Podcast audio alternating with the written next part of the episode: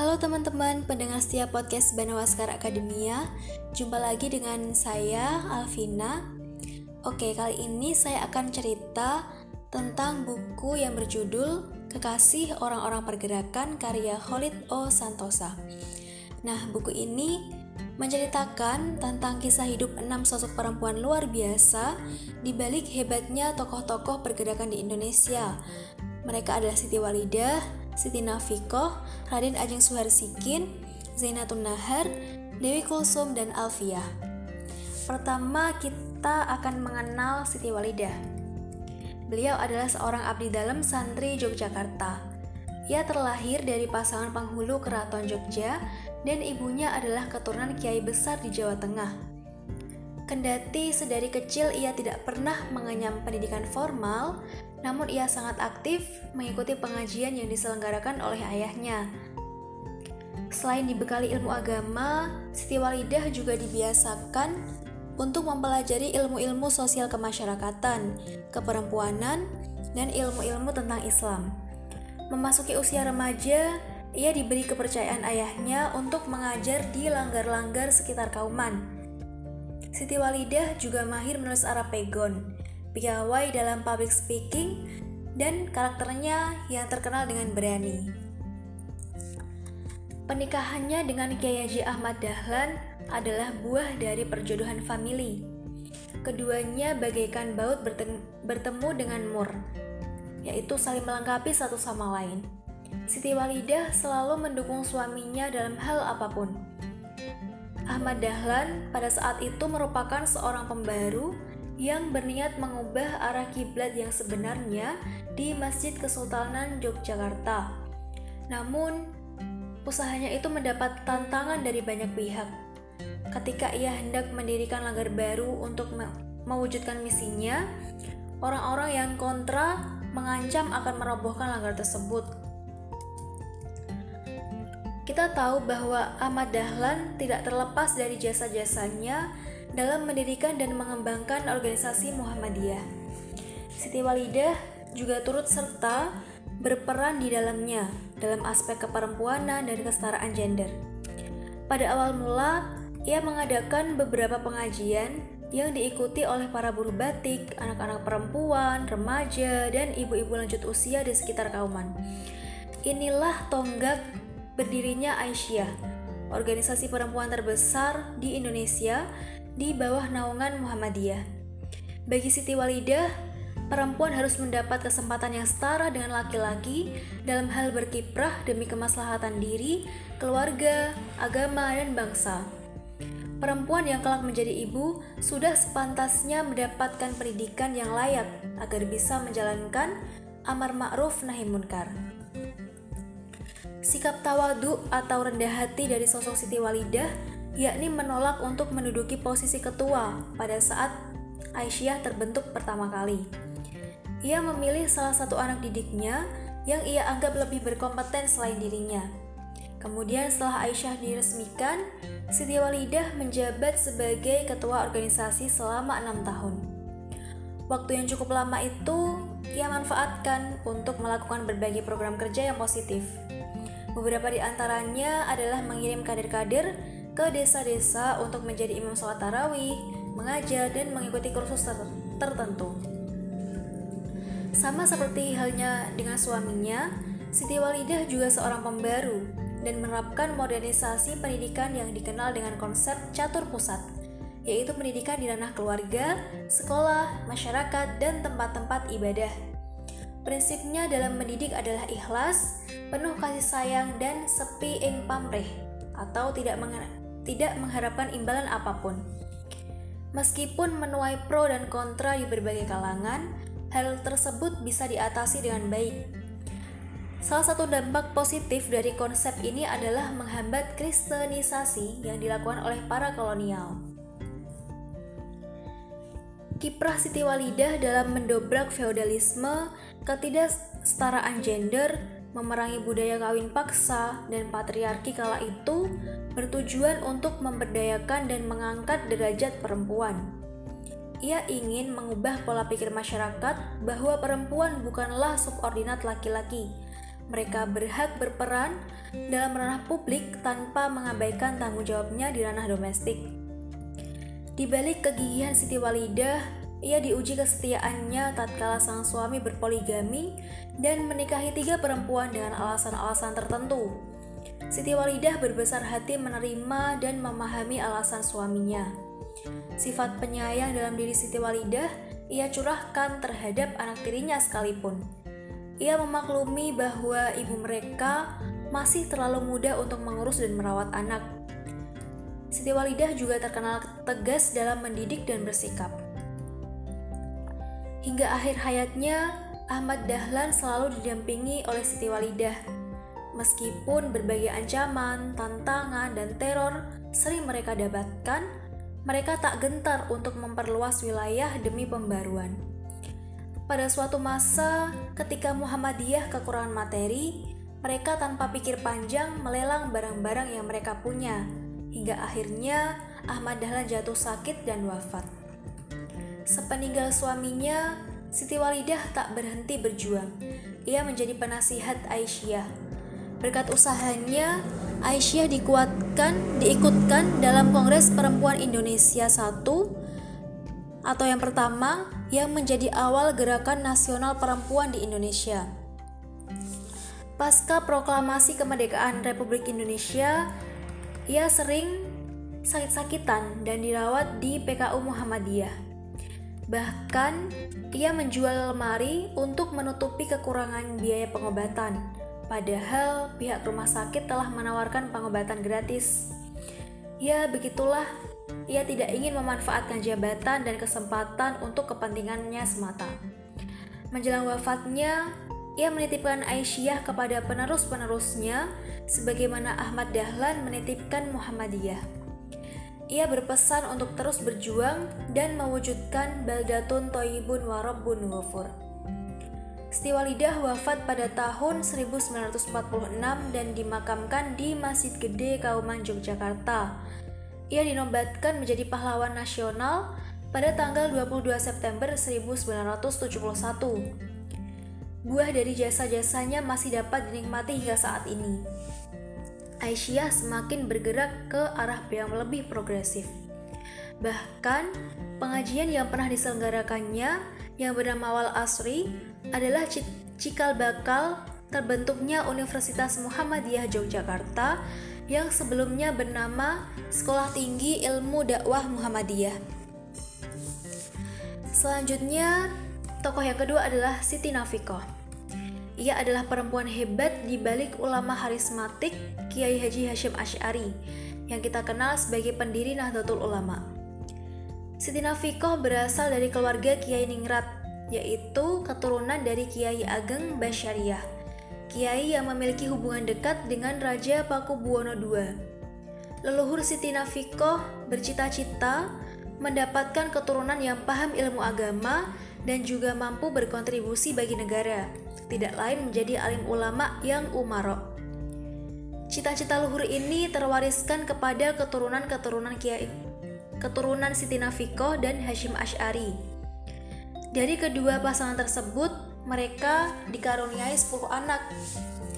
Sedikit berbeda dengan Siti Walidah, perjuangan Siti Nafiko bersifat internal dan domestik.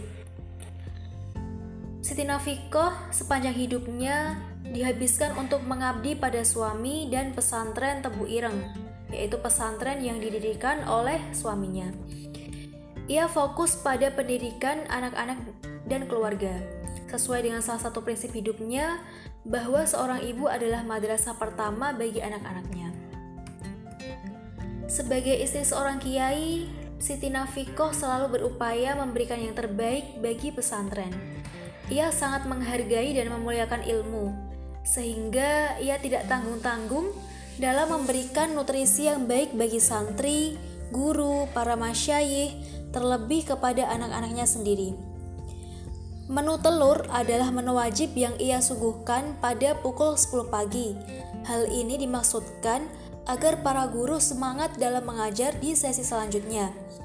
Lebih dari itu, ia juga memberikan susu sapi untuk guru-guru madrasah Salafiyah Syafi'iyah dari hasil perahan sapi-sapi milik Kiai Haji Hashim Ash'ari.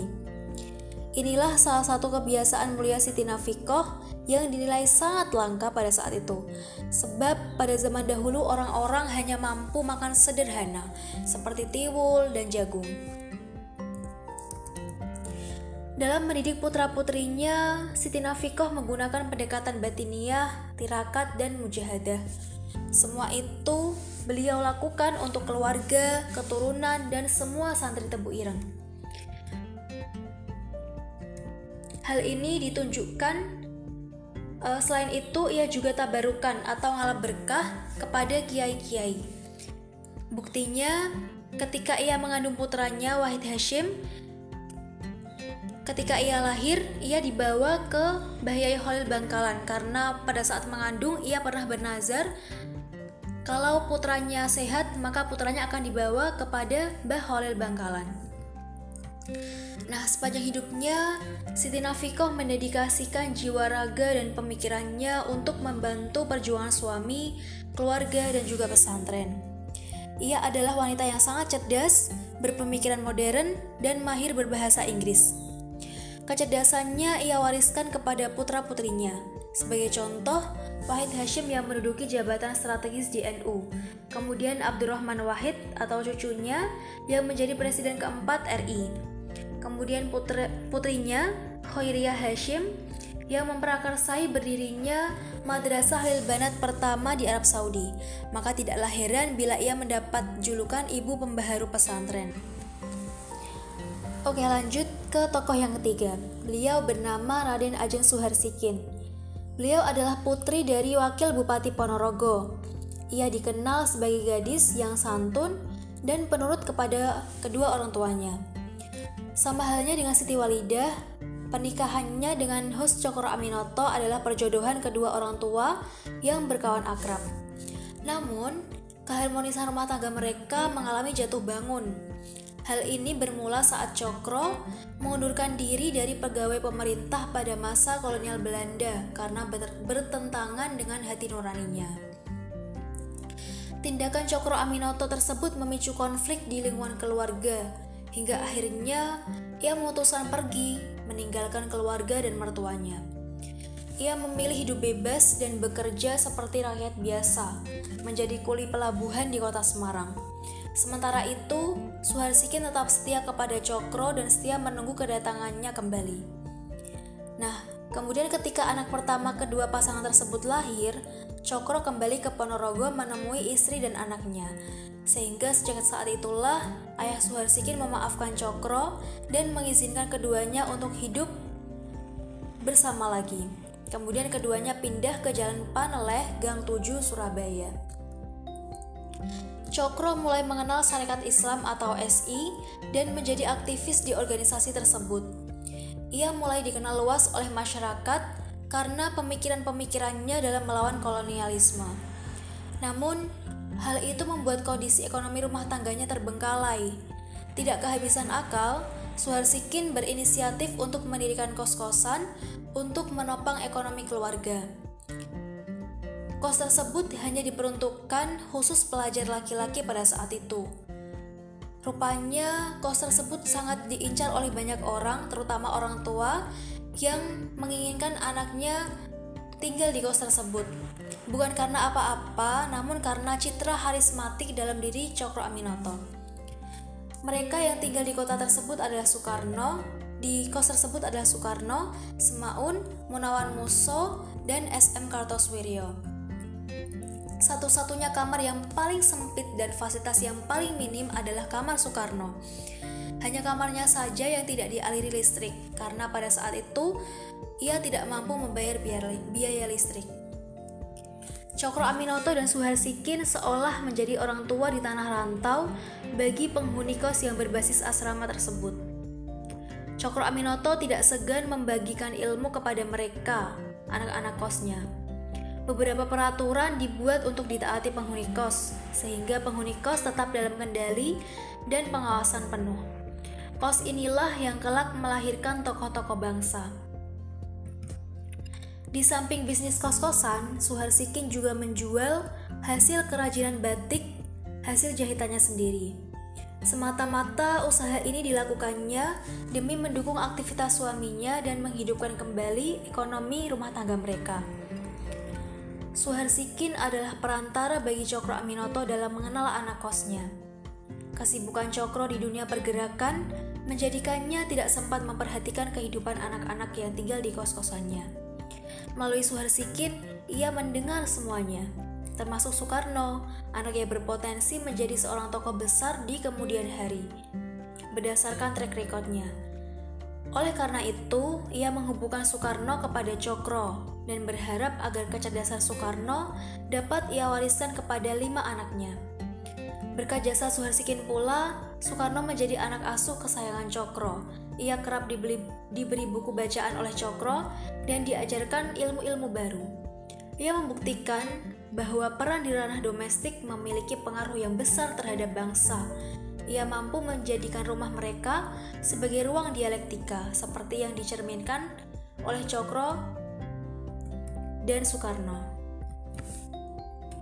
Alih peran suami yang dilakukan Suharsikin semasa hidupnya boleh jadi membuat kondisi kesehatannya melemah dan menderita tifus. Ia wafat pada usia muda, yaitu usia 34 tahun. Ia dimakamkan di makam Boto Putih, Surabaya. Sepeninggal Suharsikin, rumah kos tersebut kurang terurus. Akhirnya, Cokro beserta anak-anaknya pindah ke rumah lain. Cokro menyadari bahwa Suharsikin sangat berjasa dalam kemajuan SI. Pasca wafatnya Suharsikin, organisasi tersebut mulai dilanda konflik perpecahan. Bahkan, Salah seorang tokoh yang bernama Darsono, ketua SI Semarang menuduh Cokro korupsi dan menjual SI kepada Jerman. Kita tahu bahwa prinsip Suharsikin ketika hidupnya adalah menolak intervensi orang tua ketika sudah menikah dan mengajarkan totalitas perjuangan. Atas segala perjuangan dan dedikasinya, ia dijuluki Ratu Tanpa Mahkota di Tanah Jawa. Kemudian kita mengenal Zainatun Nahar, tokoh keempat. Ia adalah putra Al-Matsir, Sultan Pamuncak, Kota Gadang, Bukit Tinggi. Ia terpaksa harus keluar dari sekolahnya pada usia 12 tahun karena siswa laki-laki pada saat itu mulai nakal dalam artian mereka sering menjahili Zainatun Nahar, sering nakal dan sebagainya. Ia dibesarkan dalam adat Minang yang kental dan memegang teguh ajaran leluhurnya, kehidupannya diatur dalam Bundo Kanduang, yang berarti menempatkannya sebagai sosok ratu dalam keluarga yang kelak menjadikannya perempuan bijaksana. Ia bertemu Agus Salim pada ketik pada masa ketika ia remaja. Nah, Agus Salim ini adalah pemuda idaman Zainatun. Keduanya memiliki rasa yang sama satu sama lain. Agus Salim berjanji akan menikahi Zainatun sepulang dari Jeddah atau Arab Saudi. Nah, saat itu ia mendapat tugas dari pemerintah Hindia Belanda untuk menjadi mata-mata syarikat Islam. Ia bersaksi bahwa tuduhan atas host Cokro Aminoto tidaklah benar.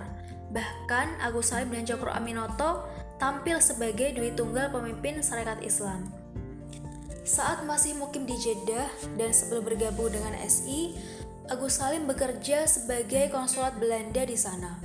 Ia juga aktif mengikuti majelis ulama-ulama Timur Tengah dan berguru langsung pada pamannya yang bernama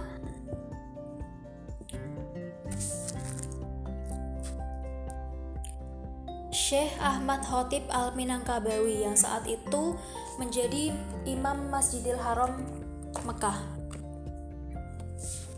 Kemudian di sana ia mengalami sakit-sakitan. Rekan-rekannya menganjurkannya, menyarankannya agar menjalani pengobatan yang intensif. Pada akhirnya, ia terpaksa menikah dengan gadis Jeddah, seorang perawat bernama Ummu Zat Syaferiyah, dengan tujuan agar ia mendapatkan pengobatan khusus. Sedangkan dalam hatinya, ia masih menyimpan janji kepada Zainatun.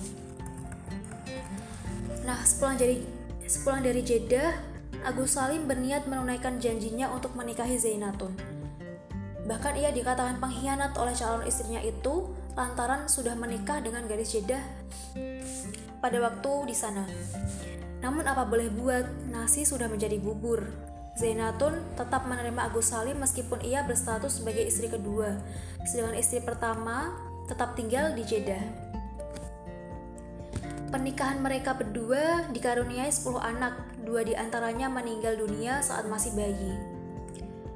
Zainatun Nahar dan Agus Salim dalam mengasuh anak-anaknya tidak pernah memberikan kualifikasi atau mengecap anak bodoh, anak pintar, dan sebagainya. Pola pendidikan yang mereka terapkan adalah homeschooling, belajar kreatif, dan belajar dari apa saja di sekitar rumah. Mereka melatih anak-anaknya berpikir terbuka dan kritis, bukan sekedar textbook atau letterlek. Anak-anak diajarkan bahasa Belanda sejak dini, menjadi ibu sekaligus guru bagi anak-anaknya membuat Zainatun gemar membaca banyak buku untuk memperluas khazanah keilmuannya. Anak-anaknya menjadi orang sukses, berakhlakul karimah dan berpemikiran yang progresif. Begitu pula Agus Salim, ia adalah sosok yang berilmu dan kaya kehormatan. Bahkan, ia mampu menguasai sembilan bahasa, Keharmonisan rumah tangga Agus Salim dan Zainatun Nahar diakui oleh Muhammad Rum. Agus Salim tidak pernah memiliki penghasilan tetap. Oleh karenanya, keluarga itu kerap berpindah-pindah dari kontrakan satu ke kontrakan lainnya. Meskipun demikian, tidak ada rasa mengeluh yang tampak dari Zainatun maupun anak-anak. Setiap enam bulan sekali, Agus Salim mengubah tata letak meja, kursi, dan lemari hingga tempat tidur demi menciptakan suasana yang berbeda pada rumahnya. Dengan begitu, keluarganya tidak perlu pindah ke tempat lain. Kebanyakan rumah mereka kebanyakan rumah yang mereka kontrak adalah rumah yang sempit dan kumuh. Ketika atap rumah mereka bocor, Zainatun mengajak anak-anaknya berkumpul dan bermain perahu kertas ia mengajarkan bahwa bahagia tidak harus hidup mewah dan glamor. Profesinya sebagai Menteri Luar Negeri dan berbagai posisi terhormat lainnya tidak lantas membuat Agus Salim dan Zainatun Nahar hidup dalam kemewahan. Justru, keluarga Agus Salim hidup sederhana dan terbatas. Zainatun tidak pernah meminta ini itu pada suaminya.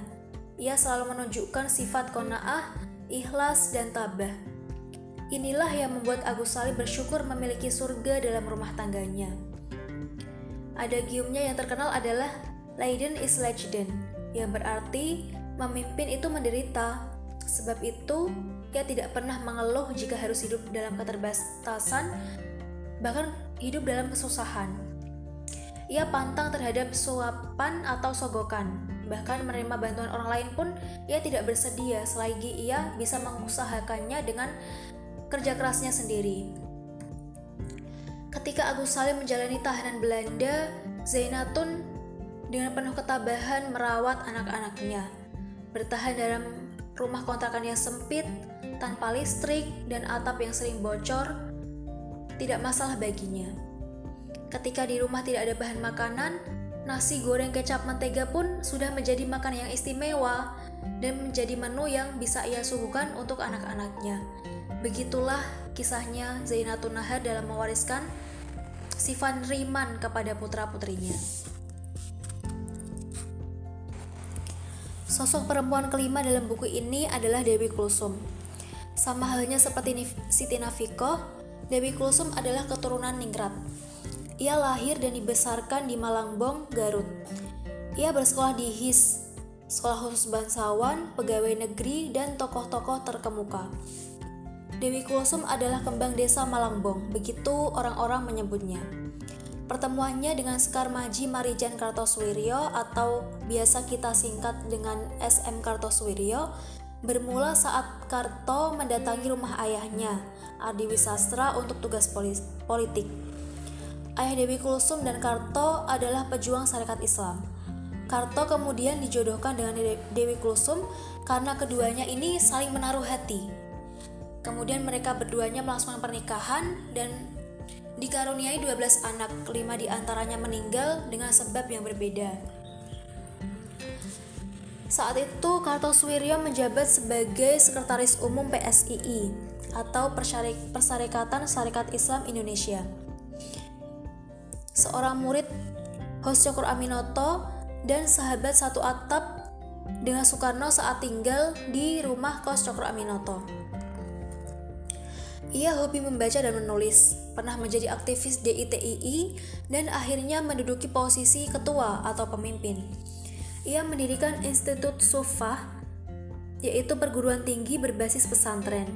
Di dalam lembaga tersebut, Karto mengajarkan doktrin-doktrin tentang negara Islam Indonesia atau NII dan mempersiapkan kader-kader untuk berjuang di NII.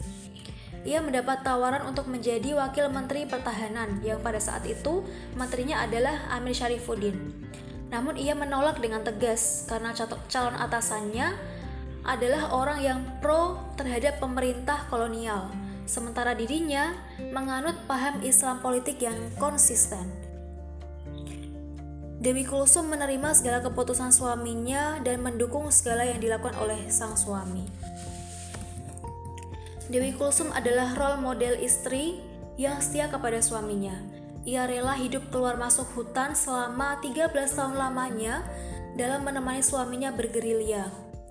Selama hidup di hutan belantara, ia membina PKK, memberi edukasi kepada istri-istri pejuang DITII, mengajar baca tulis Al-Quran, menulis huruf Latin, sampai melatih keterampilan menjahit. Semua itu dilakukan di hutan. Tidak ada satupun dari mereka yang mengeluh dengan kondisi yang demikian. Tidak sedikit dari mereka pula yang melahirkan bayinya di hutan, kemudian memberikannya kepada penduduk setempat agar mendapatkan penghidupan yang layak. Pejuang-pejuang DITII beserta keluarganya yang ikut serta pernah suatu ketika kehabisan bahan makanan. Terkadang di suatu daerah ada penduduk setempat yang secara sukarela menyedekahkan makanan untuk mereka. Kalaupun makanan sudah habis, mereka makan seadanya yang terdapat di hutan, daun, buah-buahan, dan lain sebagainya.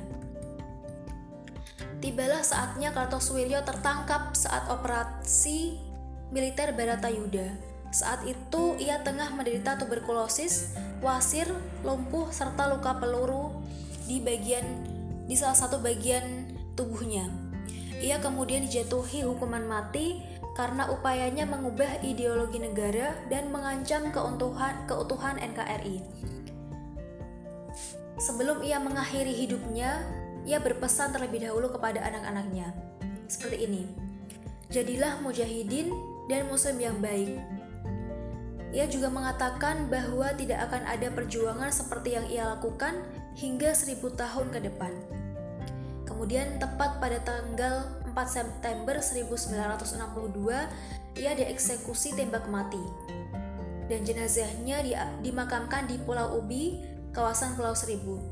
Tapi ada juga sumber yang mengatakan ia dimakamkan di Pulau Onrus. Sepeninggal Kartosuwiryo, Dewi Kulsum mengisi kesehariannya dengan bertani di salah satu tanah warisan orang tuanya. Ia menjual batu reruntuhan Institut Sufa untuk membiayai sekolah anaknya. Dewi Kulsum wafat pada usia 85 tahun dan dimakamkan di Malangbong, yaitu di Garut. Dewi Kulsum mengajarkan hidup sabar dan tabah kepada perempuan-perempuan di Indonesia. Oke, tokoh terakhir adalah Alfiah. Alfiah ini adalah istrinya Jenderal Sudirman. Ia adalah seorang anak pedagang muslim yang kaya di daerah Cilacap. Ia adalah sosok tangguh yang membersamai Jenderal Sudirman dalam segala perjuangannya. Keduanya aktif di organisasi Muhammadiyah. Sudirman terlahir dari keluarga yang sederhana. Bahkan Sudirman pada waktu usia sekolah, ia hampir saja putus sekolah karena tidak mampu membayar biaya pendidikan. Sejak kecil, ia rajin sholat malam, puasa sunnah, dan belajar ilmu agama ke surau. Buah dari segala tirakatnya, ia mendapatkan keringanan berupa biaya berupa bebas biaya sekolah. Sudirman adalah orang yang jujur, teladan, santun, dan juga aktivis sosial. Sama seperti tokoh-tokoh sebelumnya, Sudirman juga kerap mendatangi rumah Alfiah untuk berurusan dengan ayah Alfiah, yaitu seorang pengurus Muhammadiyah. Bermula dari itulah, dari kebiasaan itulah, keduanya akhirnya menikah dan membina rumah tangga bersama. Alfiah adalah istri yang solihah bagi Sudirman. Perempuan Jawa Tulen yang sederhana itu, meski berangkat dari keluarga yang berada, ia mendukung segala langkah hidup suaminya. Sudirman menjadi prajurit peta atau pembela tanah air, kemudian Dai Danko, Panglima Besar TKR, hingga menjadi panglima besar tentara. Posisi strategi Sudirman tidak akan tercapai manakala tidak akan tidak ada dukungan dan restu dari istrinya. Kemudian ketika terjadi pemberontakan PKI Madiun, Sudirman mulai sakit-sakitan. Sakit batuk, sulit napas, dan lain sebagainya. Karena ia adalah uh, seorang perokok yang aktif. Yang membuat Sudirman sedih adalah ia memerangi saudara sebangsa sendiri, Amir Syarifuddin, selaku dalang dari, dari pemberontakan PKI tersebut. Hal itu semakin membuat kesehatannya memburuk, badannya menjadi ringkih dan insomnia. Alfiah tidak tega melihat kondisi suaminya demikian. Sudirman adalah perokok berat, padahal ia mengidap infeksi paru-paru. Bahkan Alfiah pun rela merokok demi Sudirman, apa pun ia lakukan untuk suaminya. Sebagai seorang istri tentara, Alfia selalu dibuat was-was dan khawatir, terutama saat ia melepas suaminya bergerilya untuk kesekian kalinya. Kali ini melawan agresi militer Belanda II yang mengepung kota Yogyakarta. Sudirman berusaha menguatkan Alfiah bahwa ia akan baik-baik saja, Kemerdekaan patut diperjuangkan dengan segala cara. Salah satunya adalah melalui dedikasinya sebagai tentara. Maka ketakutan dalam diri Alfiah berubah menjadi sikap bangga dan tegar melihat tekad bulat suaminya. Ia selalu menanti kabar Sudirman dari ajudannya. Ketika bekal, bekal makanan perang habis, Alfiah rela menjual perhiasan untuk dibarter dengan bahan makanan ia tidak merasa eman atau rugi sedikit pun. Baginya, perjuangan suami membela negara lebih pantas diprioritaskan dibanding apa pun. Dalam masa penantian suaminya kembali dari gerilya itu, Alfiah melahirkan anak yang dinamai Sudirman yang dinamai Sudirman Muhammad Teguh. Mereka berharap anak tersebut memiliki keteguhan hati sebagaimana ayahnya. Pada bulan Juli 1949, terjadi gencatan senjata yang bermuara ke meja perundingan. Sudirman kembali ke Yogyakarta dengan disambut meriah oleh rakyat. Terlebih paman Alfiah Haji Mukmin yang dulu sempat tidak merestui pernikahan keduanya. Lebih dari itu, kembalinya Jenderal Sudirman juga disambut dengan upacara militer sederhana dengan kostum masing-masing. Suasana haru biru menyelimuti upacara yang, yang bertempat di alun-alun tersebut. Sudirman kemudian wafat pada tanggal 18 Januari 1950 dan dimakamkan di Taman Makam Pahlawan Semaki. Ia berhasil mengusir penjajah, namun ia gagal melawan penyakit yang sudah lama dideritanya. Ia lebih dahulu kembali kepada Tuhan sebelum menikmati buah dari perjuangannya. Kemudian pada tahun 1997, ia mendapatkan gelar Jenderal Besar Anumerta Bintang 5. Pasca wafatnya Sudirman, Alfiah melanjutkan perjuangan suaminya, yaitu mendidik anak-anak menjadi insan yang bermanfaat bagi agama dan bangsa. Demikianlah cerita dari enam tokoh perempuan yang hidup di balik perjuangan tokoh-tokoh besar di Indonesia. Dari tokoh-tokoh tersebut kita bisa belajar bahwa pasti ada sosok wanita yang hebat di balik tokoh pria yang hebat pula dan perjuangan mereka sangat berarti bagi suaminya. Semoga kita semua bisa mengambil hikmah, bisa mengambil pelajaran dari tokoh-tokoh tersebut. Sekian, terima kasih. Sampai jumpa di podcast selanjutnya. thank you